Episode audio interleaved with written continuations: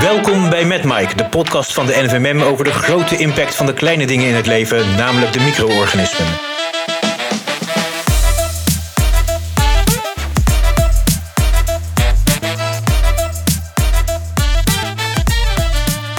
Ik ben Michel Hira. En ik ben Andreas Vos. En yes, het is uh, superleuk jullie bij de eerste echte aflevering van onze podcast te hebben. En vandaag hebben wij het over duurzaamheid. Uh, waarom doen we dat? Ja, goede vraag. Waarom doet de NVMM iets met duurzaamheid? Nou, de zorg is natuurlijk een grote uitstoter van CO2 en ook binnen de medisch-microbiologische wereld lopen we niet achter, dus dat kan beter. En bovendien heeft de Gezondheidsraad vorig jaar een rapport uitgebracht. Wist je dat, Andreas? Uiteraard. En niet alleen dat. Uh, vooral is het een feit dat uh, Geet Vos uit Rotterdam een van de mede-auteurs is. Waarom wij nu supersnel opgaan naar Rotterdam. Goed idee. Nou, we zijn hier dan uh, via de digitale snelweg bij professor Greet Vos, hoogleraar zorggerelateerde infecties uh, aan het Erasmus MC. Zij is ook medeschrijfster van het uh, Gezondheidsraadrapport Verduurzaming van hulpmiddelen in de zorg. Greet, welkom. Ja, dankjewel voor de uitnodiging. Fijn om je hier te hebben. Hey, um, de eerste vraag. Hoe zijn jullie bij het initiatief gekomen vanuit de Gezondheidsraad om een advies over verduurzaming uit te brengen? Hoe is het ontstaan? Ja, dank je voor de, voor de vraag. Um, het is zo dat de Gezondheidsraad gevraagd en ongevraagd advies kan uitbrengen aan de minister, aan de, aan de regering. En dit keer was het een gevraagd advies. Uh, en dat gevraagde advies is dus vanuit de VWS. En de expliciete vraag aan de Gezondheidsraad was: uh, waar kan op worden ingezet om verduurzaam en duurzame inzet van medische hulpmiddelen en persoonlijke beschermingsmiddelen in de zorginstellingen. Hoe kan je dat versnellen? Um, en er zit natuurlijk iets aan vooraf. Dat komt niet zomaar uit de lucht vallen. Um, te beginnen natuurlijk dat wij, uh, de regering heeft ambitieuze, ambitieuze doelen uit de Europese Klimaatwet overgenomen. En het idee is dat we dan in 2050 volledig circulair zijn en uh, klimaatneutraal. Um, dat, is natuurlijk, dat geldt dus voor het hele land. Maar als je kijkt naar de uh, gezondheidszorg, dan is ongeveer 6 tot 7 procent uh, van de nationale CO2-uitstoot komt uit de gezondheidszorg. Dus ook de gezondheidszorg wordt geadresseerd om aan dit doel mee te werken. En daar, dat is natuurlijk de achterliggende vraag uh, ja, aan de. Gezondheidsraad. Ja, dat is fantastisch. Dus, uh, maar Geet, we kennen je allemaal als de vrouw van de infectiepreventie. Een van de, de weinige hoogleraren in het vak die we in ons land hebben. maar maar hoe, hoe kom jij dan daarbij? Ben je zo duurzaam? Of, ik vind, we zijn trots daarop dat dus een van ons hier mee mocht doen. Maar hoe, hoe kom jij daarbij? Ja, dat komt ook omdat natuurlijk de focus van de vraag uh, is niet de gehele uh, gezondheidszorg om die uh, duurzaam te maken. Maar de focus lag op de, bescherm, de, de medische hulpmiddelen en de persoonlijke beschermingsmiddelen. En binnen mijn expertise is natuurlijk de omgeving, die directe omgeving en de impact daarvan op de infectiepreventie. met name in de, in de ziekenhuizen. En ik ben altijd bezig geweest met de, de impact van die omgeving op nosocomiale infecties. En met name ook de medische hulpmiddelen, wat die daar voor rol in spelen. Ja. En dus vanuit mijn expertise ben ik als. Uh, uh, uh, als lid van de commissie die antwoord ging geven op, op deze vraag van, van de minister. Oh, dat is uh, heel mooi. En um, ja. hoe zijn jullie dan tot die aanbevelingen gekomen? Hè? Wat, wat bepaalt dan de keuze en, en, ja, en het advies eigenlijk? Ja, nou ja, dit is natuurlijk die, die hulpmiddelen en die persoonlijke beschermingsmiddelen. Uh, daar zit natuurlijk uh, een probleem van circulariteit in. Heel veel is disposable in dat uh, veld. En dat is meer en meer geworden. En dat heeft natuurlijk ook heel erg te maken gehad met dat het idee is dat disposable veiliger is dan reusable. Ehm, dat is natuurlijk de vraag. Uh, kijk, als je natuurlijk iets maar één keer gebruikt, dan is een, uh, een, besmetting van de vorige gebruiker is uitgesloten. Maar dat hoeft niet altijd, nou, meestal is dat niet duurzaam. Maar ook dat is een interessante vraag. Want het is niet één op één dat als je zegt van ik ga van disposable naar reusable, dat dat duurzamer is. Want wat is duurzaam? Dat is ook weer een punt waar we het over hebben gehad natuurlijk in die commissie. Uh, dat is het milieu, maar ook die sociale en economische aspecten daarvan. Zoals je weet, de people, planet, prosperity en dergelijke. En de commissie die heeft uh, duidelijk gekozen voor die duurzaamheid. En uh, dat is ook belangrijk dat als je de levenscyclusanalyse van een product beschouwt, dat daar het in brede zin wordt meegenomen. Het is dus niet alleen bijvoorbeeld CO2. Het is ook niet alleen circulariteit, maar het is de hele milieu-impact waar we op gefocust hebben. Je moet het per product bekijken. Wij konden natuurlijk niet als commissie al die medische middelen en persoonlijke beschermingsmiddelen nagaan en zeggen van nou dit moet zo en dat moet zo. Dus we hebben het heel, zomaar moderne term, hoog over ingeschoten. Maar wat, wat is dan voor jou een beetje de, ja, de belangrijkste advies eigenlijk uit dat rapport die we mee moeten nemen? Nou, dat, dat belangrijkste advies is niet één advies waarvan ik zeg, nou, dat is het allerbelangrijkste. Uh, wat wel belangrijk is, is dat we het uh, uh, aan alle kanten beschouwd hebben. Om één voorbeeld te nemen is het model 10R. Dat is iets wat, wat relatief makkelijk te beschouwen is. Want het is best taaie stof. Hè. We willen allemaal wel, maar hoe moet je dat nou allemaal doen? Het 10R-model, dat is een concrete invulling aan circulariteit. Uh, circulariteit is natuurlijk iets waarvan, uh, ja, dat is een van de beste manieren om grondstofgebruik en afval te reduceren. Wat natuurlijk heel belangrijk is uh, als doel voor die milieu-impact te verminderen. En als je naar die 10R gaat kijken, en het tabelletje zit in het advies, dus ieder kan dat opzoeken, dan heb je daar een volgorde in van wat het meeste opbrengt. En dan heb je dat van R0 tot R9. Dat zijn er dus 10 totaal. En R0 is refuse. En dat is weiger gebruik. Of gebruik het niet meer. dat kan je ook in, met andere voorbeelden in de maatschappij is dat ook zo. We moeten niet meer uh, extra verpakkingen van plastic hebben. Gewoon weiger gebruik. Doe het niet. Dat is de beste oplossing.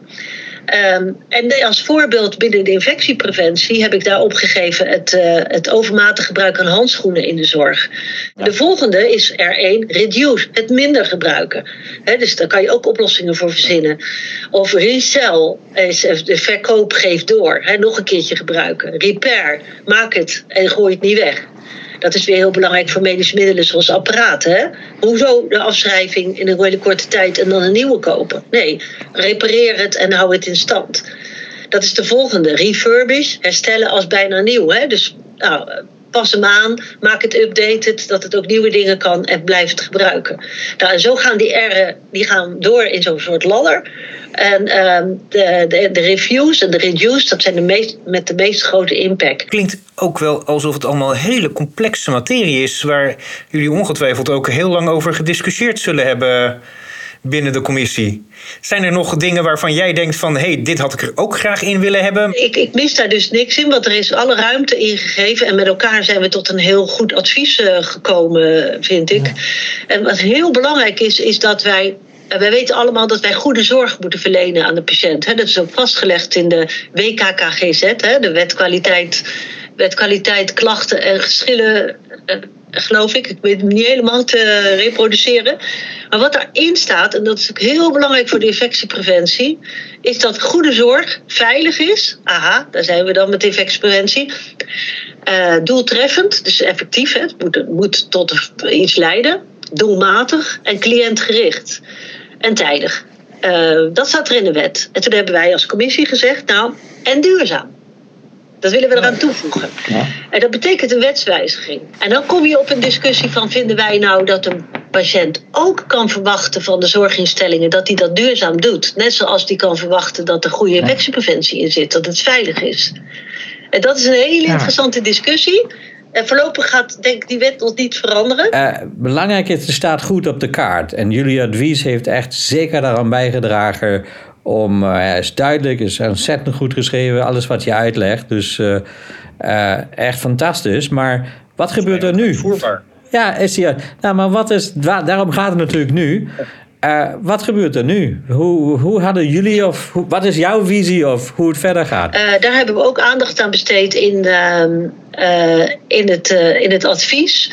Want het is natuurlijk niet zo dat we nu allemaal moeten wachten om te kijken of de wet verandert en dan kunnen, kunnen we in beweging komen. Dat absoluut niet. Waar we natuurlijk allemaal voor verantwoordelijk zijn, en dat zijn we natuurlijk al vanuit overheidswegen, maar ook vanuit zorgaanbieders, is dat we die zorg duurzaam verlenen. En dan denk je, ja, hoe gaan we dat dan doen? En je ziet nu al heel veel activiteiten. Hè? Je ziet uh, in de ziekenhuizen allerlei activiteiten, maar ook uh, uh, nationaal, het NEN-platform, duurzaamheid, heb je de Green Deal, duurzame zorg is er gekomen. En die hebben allerlei doelstellingen geformuleerd. Maar het is allemaal nog heel erg dat je denkt, oké, ja, dank je. Hè, maar hoe nu verder op de werkvloer? En dan zie je dat er allerlei initiatieven zijn die van bottom-up komen. En wat we wel hebben geconstateerd, bijvoorbeeld de chirurgen die zijn actief, de OK, er zijn allemaal uh, duurzaamheidsinitiatieven, duurzaamheidsacties, werkgroepen. Per ziekenhuis is dat weer anders. En wat we hebben gezien is dat de coördinatie ja. en de, het contact tussen die activiteiten en die initiatieven, die is er nog niet voldoende. Nee, duidelijk en ook duidelijke adviezen inderdaad. Um, uh, maar wat wordt hier nu mee verder gedaan? Want dit is bijvoorbeeld een, een concreet voorbeeld van een duidelijk advies. Hè? Maar gaan ziekenhuizen dit nu doen? Is dat heel vrijblijvend? Gaat de Gezondheidsraad hier nog iets verder mee doen? En ik denk dat er nu heel veel initiatieven inmiddels zijn. En we hebben natuurlijk ook dit rapport in november gepubliceerd, dit, dit advies. Um, daar gaat natuurlijk nog heel veel activiteiten. Er zijn ook heel veel activiteiten. Er is ook zeker ook een, toezegging, ook dat we ook op Europees niveau, dat Nederland er in min of meer ook de lead neemt op bepaalde onderwerpen. Dus er gaat nu heel veel gebeuren. De vrijblijvendheid is er natuurlijk helemaal niet. Ik denk niet dat ook in deze tijd, ook maatschappelijk gezien, gezondheidszorginstellingen kunnen zeggen van nou, duurzaamheid, dat zet ik niet op, uh, op mijn agenda. Kan je nee zeggen? Nee. Uh, moet je ja zeggen? Ja. En hoe dat moet, is nog wel een beetje zoeken hoe we dat dan het efficiëntst doen en met gebruik maken van elkaars uh, kennis daarin. Ja, ik denk dat er geen betere afsluitende woorden te verzinnen zijn, eerlijk gezegd. Dus fantastisch. En ik wil toch nog een keer voor al jouw pleidooi voor coördineerde actie in deze, ook richting richtlijnorganisaties, etc. We moeten er echt goed over nadenken, het goed en stevig implementeren. En voor de rest zou ik alleen jouw laatste woorden nog een keer terug laten spelen. Die waren namelijk absoluut perfect. Uh, wij moeten daarvoor gaan. Heel hartelijk dank, Geet. Echt voor een superleuk uh, uitleg van het Gezondheidsraadrapport. En nog eens bedankt dat je zo goed werk hebt geleverd.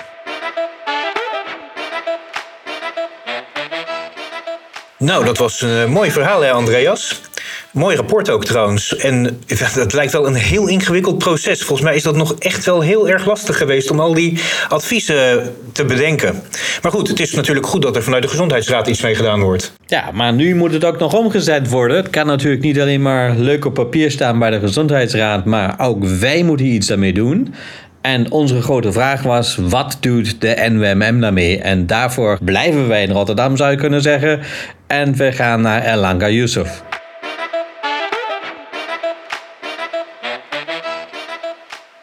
Ik ben nu in het Erasmus MC op de afdeling medische microbiologie en infectieziekten heet het geloof ik officieel.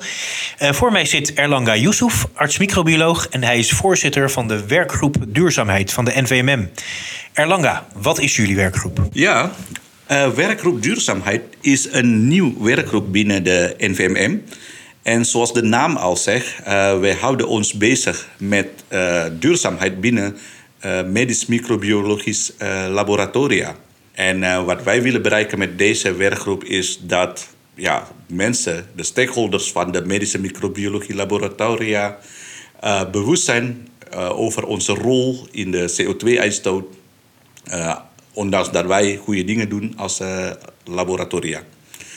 En dus en wij willen dit bereiken op dit moment door onze kennis uh, te delen. En hoe komen jullie dan aan die initiatieven? Hoe, hoe bedenk je ze? Of uh, haal je ze ergens vandaan? Lees je ze? Ja, veel van deze initiatieven uh, zijn ja, zogenaamd uh, fruit. Wat waarschijnlijk duidelijk is dat die winst zou opleveren.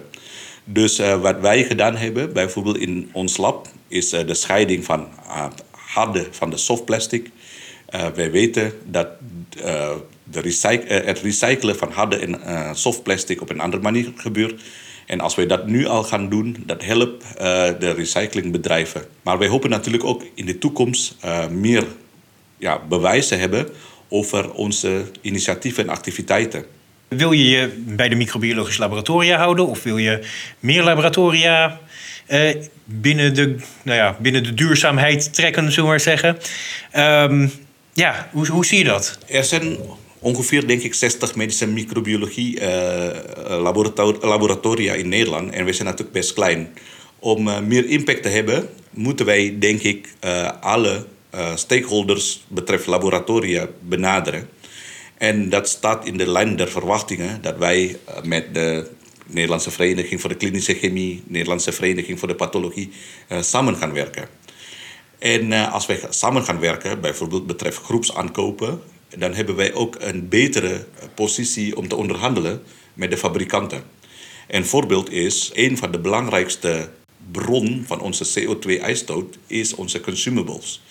En onze consumables die worden geleverd in het lab in kartonnen dozen. En uh, wij kunnen bijvoorbeeld aan leveranciers vragen dat zij op een andere manier gaan leveren, de consumables.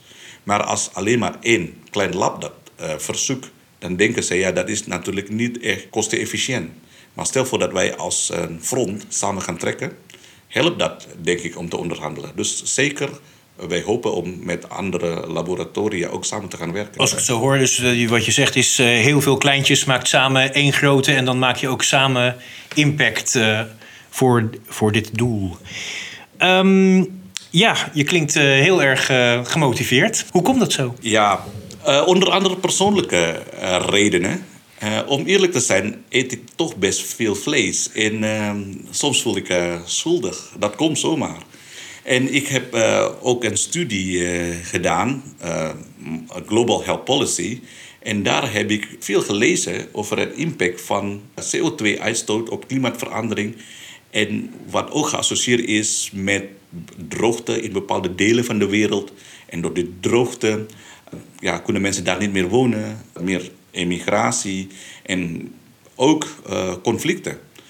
En ehm, ja, nu lijkt alsof dat het zo ver weg is. Maar stel voor dat dat veel, veel plaatsen in de wereld moeilijk te, te bewonen. Ja, dan komt het probleem ook naar ons toe. Dus ja, dat is een combinatie tussen persoonlijke motivatie, schuldig voelen... en wat ik ja, toch geleerd heb. Ja, dat, uh, klinkt uh, duidelijk. is een, we hebben het allemaal een beetje. Ik denk niet iedereen is heilig. En ja, iedereen wil toch, althans de meeste mensen willen toch een beetje iets doen. En dan is het goed dat er ook daadwerkelijk iets gedaan wordt wat je kan doen. Um, jij bent niet alleen voorzitter, jij doet ook, je draagt ook bij aan kennis hieromtrent. Je hebt uh, laatst nog een artikel gepubliceerd, uh, zag ik, uh, over dit onderwerp. Kun je daar wat over vertellen? Ja, we hebben eigenlijk berekend hoeveel kilogram CO2 wordt uitgestoten bij onze activiteiten. Dus heel simpel, wij berekenen uh, elektriciteitsverbruik van onze instrumenten. En we hebben onze consumables, de plastic en de kartonnen dozen gewogen. En we komen uit tot ongeveer 80.000 kilogram CO2.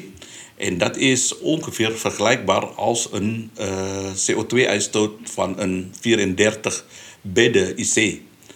En uh, wij deden dit meer van omdat wij ja, als, als microbiologen uh, microbioloog, wij houden van meten. Maar wij zijn best uh, verbaasd eigenlijk dat wij niet eens weten hoeveel wij ja, als lab uh, aan de CO2-voetafdruk ja, bijdragen. Er zijn natuurlijk rapporten in het verleden die zeggen 7% van de CO2-uitstoot komt uit gezondheidszorg. Maar hoeveel van deze komt uit medische microbiologische lab, dat weten wij nog niet. Maar dat is maar een begin. Dat zijn nog best indrukwekkende cijfers eigenlijk, uh, als ik het zo hoor. Maar dan helpt het dus inderdaad als wij als labs, al is het maar een klein beetje verbeteren. Over het grote geheel heeft dat natuurlijk ook alweer impact. hey, um, wil jij uh, nog iets kwijt aan onze luisteraars? Aan uh, de microbiologen die luisteren, de artsen microbiologen die luisteren, of gewoon alle andere luisteraars? Ja, alle kleine initiatieven zouden helpen. Ik denk dat de eerste stap is bewustwording. Dus wij proberen bijvoorbeeld in ons lab om te vragen om beeldschermen uit te zetten als uh, mensen aan het pauzeren, uh, gaan pauzeren. En ook bijvoorbeeld om licht uit te doen als zij vertrekken. En ook om de pc uit te zetten. Dus dat zijn de dingen, klein beetje dingen die gaan bijdragen in het algemeen. Heldere boodschap. Nou, ik dank je heel hartelijk voor dit gesprek. En uh, nou, we gaan hopelijk nog heel veel van jullie horen.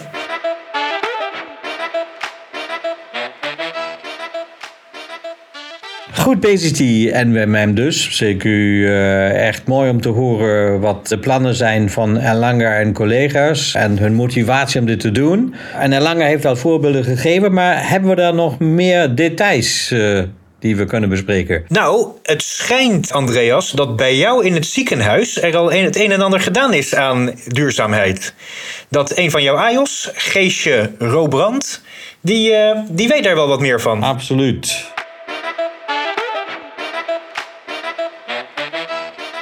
Inmiddels zijn we hier in Groningen gearriveerd en ik zit uh, aan tafel met uh, Geesje Robrand. AIOS Medische Microbiologie in deze fantastische afdeling. Uh, en iemand die jammer genoeg uh, straks al klaar is. Dus uh, Geesje, als ik jou mag vragen van... Uh, hoe ben je überhaupt bij het onderwerp duurzaamheid gekomen? Um, nou, hier in het noorden werd voor AIOS een tijdje geleden een keer een masterclass duurzaamheid georganiseerd.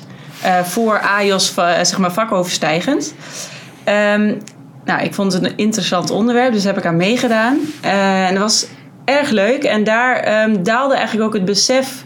Want er werden de cijfers gepresenteerd uh, hoeveel impact wij als zorgsector ook uh, maken. Hoe groot onze voetafdruk is. En toen dacht ik, ja, daar wil ik, wil ik verder mee. Maar doe je dat uitsluitend voor de zorg of uh, heb je daar ook privé iets mee? Ik heb er privé ook iets mee. Uh, ik doe het voor de toekomstige generatie van deze planeet. Uh, en ja, thuis ben ik ook zeker bezig met duurzaamheid op gebied van voeding. Ik probeer zoveel mogelijk tweedehands spullen, tweedehands kleding en zo te kopen.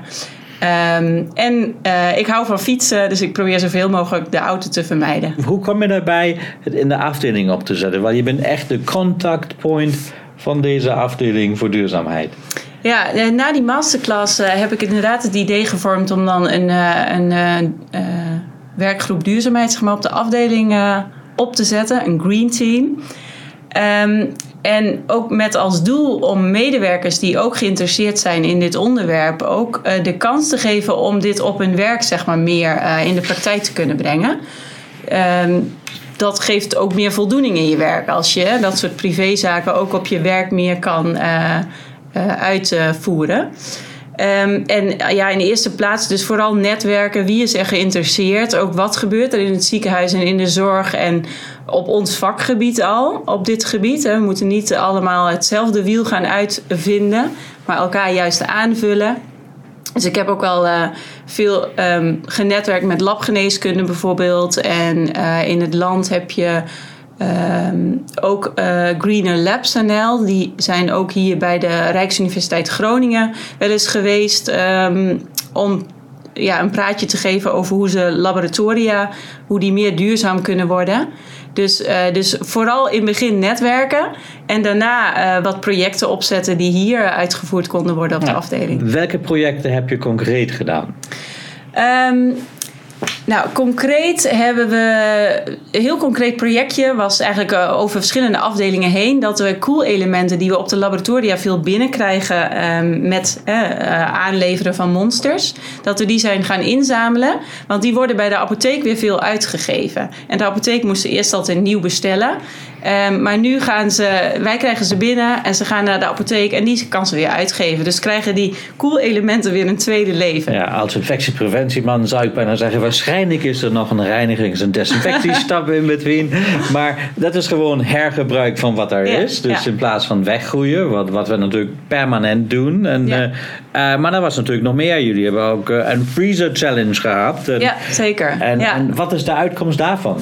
Nou, we zijn eh, inderdaad hebben we de vriezers eh, van eh, min 80 naar min 70 gezet. Dat kan, hè, want eh, we weten uit de literatuur dat je daar wel eh, bijna 30% energie mee kan besparen. En wij hebben 20 van die low temperature eh, vriezers op de afdeling. Eh, en daarmee zouden we met de huidige energieprijzen wel 13.000 euro per jaar kunnen besparen. En als je dat omrekent in autokilometers, is dat wel een rondje om de aarde.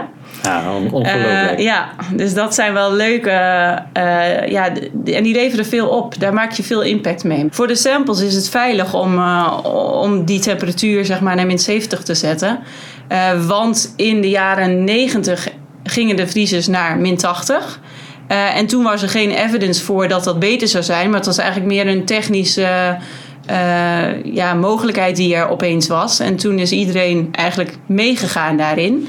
Maar er was geen harde reden voor om naar min 80 te gaan. Ja, maar dus de collega's moeten niet bang zijn als hun vriezer nu een keer uitvalt. Dat de, de tijd vele malen korter is eh, eh, tot die min 60 of waar is het Nee. ergens bereikt worden? Of waar het kritisch eh, wordt. klopt. Dat, nee, dat is ook wel goed in een artikel uitgezocht. Ehm, de, de, de dooitemperatuur van min 80 of min 70 naar bijvoorbeeld die min 20... eh, daar zit helemaal niet heel veel tijdsverschil in. Ja. Maar dat is ook nog niet alles. Je hebt nog een ander project. Ja, we zijn ook nog een ehm eh, afvalchallenge begonnen. Want ehm, nou, er blijkt dat gewoon heel veel afval nou, onnodig eigenlijk bij het speciale ziekenhuisafval belandt. En het speciale ziekenhuisafval dat wordt op één plek in Nederland verwerkt. Dus dat moet allemaal naar het zuiden van het land. Ehm, en het gewone restafval van het ziekenhuis dat gaat naar de regionale afvalcentrales. Ehm, ook eh, het ziekenhuisafval wordt op hogere temperaturen verbrand. Dus dat heeft meer milieu-impact. Ehm, kijk, als het moet, dan moet het. Maar het is jammer dat daar heel veel onnodig afval in Ja. die bakken belandt. Dus wij eh, hebben gekeken. We zien bijvoorbeeld dat eh, heel veel ja, schone safety bags belanden in het ziekenhuis, in de ziekenhuisbakken. Ehm, dus wij zijn daar de uitdaging aangegaan om minder speciaal ziekenhuisafvalbakken per week zeg maar, te vullen. En dat is nog gaande. Is er nog iets anders wat je denkt waar men lokaal aan moet denken om als je het om wil zetten om duurzamer te kunnen werken? Nou, het is ook leuk om. eh, Het is mooi natuurlijk om projecten te pakken waar je veel impact kan maken, zoals die vriezers. Hè. Dan kan je met één handeling eigenlijk al veel impact maken. Maar er zijn natuurlijk ook, is ook veel laaghangend fruit. Sluit zoveel mogelijk je apparatuur af aan het eind van de dag. Ehm, gebruik je eigen beker. Ehm, print zo weinig als het, eh, als het, hè, als het kan. Dat soort zaken is ook leuk om met de hele afdeling eh, even de aandacht op te vestigen en daar dan eh, ook nog ja, energie te besparen. Fantastisch. Heel hartelijk dank. Graag gedaan. Hey. Nou, jullie zijn lekker bezig daar in Groningen, Andreas. Ja, natuurlijk. Is, eh, denk ik wel. Ja, natuurlijk. Nee, het is denk ik wel een inspiratie eh, voor ons allemaal. Een voorbeeld dat wij allemaal wel iets kunnen doen. Ehm, ja, inspiratie, hè? Wat hebben we nou geleerd vandaag? Wat hebben we geleerd vandaag? Ik, ik denk dat wij eigenlijk moeten meenemen. Er zijn voldoende documenten die ons laten zien waar we naartoe zouden moeten gaan. We hebben een prachtige werkgroep. En ja, individueel moeten we dat laaghangende fruit niet laten hangen. Nee, daar ben ik het helemaal mee eens. Ik bedoel, een klein beetje doen is al beter dan helemaal niks doen, denk ik, toch? Vandaar vind ik ook met deze wijze woorden van Wiesal kunnen wij deze prachtige podcast dan ook beëindigen. Dan zei jij wil nog doorgaan, maar ik denk dit was voldoende voor de eerste keer. Ik denk dat je gelijk hebt, Andreas. Tot volgende keer. Tot de volgende keer.